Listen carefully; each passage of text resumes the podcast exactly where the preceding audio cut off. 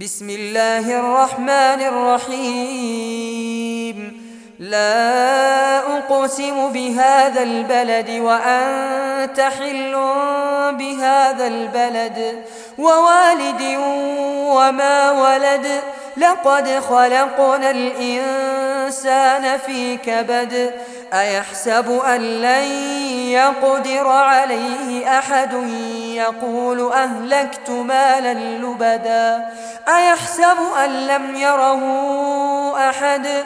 ألم نجعل له عينين ولسانا وشفتين وهديناه النجدين فلقتحم العقبة وما أدراك ما العقبة؟ فك رقبة أو إطعام في يوم ذي مسغبة يتيما ذا مقربة أو مسكينا ذا متربة.